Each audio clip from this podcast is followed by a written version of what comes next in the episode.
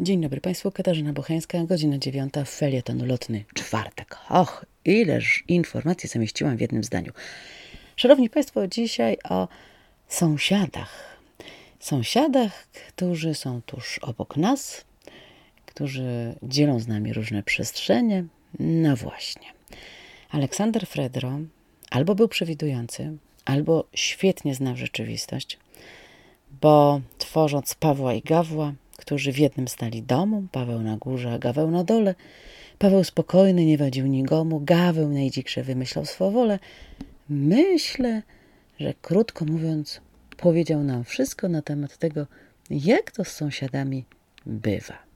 Najgorzej z tą puentą, proszę Państwa, no bo ta wolność Tomku w swoim domku jakoś nam się nie do końca sprawdza. Macie Państwo e, sąsiadów, którzy powodują, że jesteście Państwo biernymi palaczami? Czy macie Państwo sąsiadów, dzięki którym przerabiacie całe disco polo? A może macie Państwo sąsiadów, którzy w niedzielę serwują Wam obowiązkowe słuchanie mszy świętej z radioodbiornika? A może macie Państwo sąsiadów, u których więcej zwierząt niż domowników i no cóż, resztę nie muszę dopowiadać. A może macie Państwo sąsiadów, którym niekoniecznie zależy na wspólnej przestrzeni i dbają tylko o to, co swoje, a to, co wasze, to niechaj się zmarnuje, niechaj okradną. Co za różnica, w końcu to nie u mnie.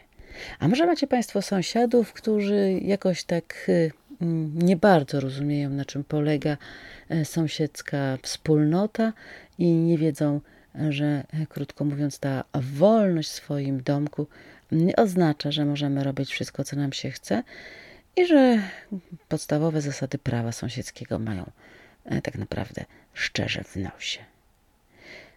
No i czy macie Państwo sąsiadów, którzy najpierw pałali do siebie wzajemną miłością, a potem było 112 i mówienie, jacy to inni są okropni?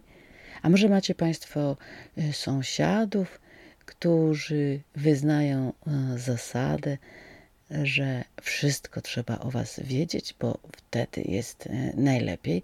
E, czyli krótko mówiąc, macie e, taki wewnętrzny monitoring. Proszę Państwa, jeśli odhaczyliście przynajmniej na tej liście trzy rzeczy, no to myślę, że Państwo wiecie, co to jest sąsiedztwo Pawła i Gawła.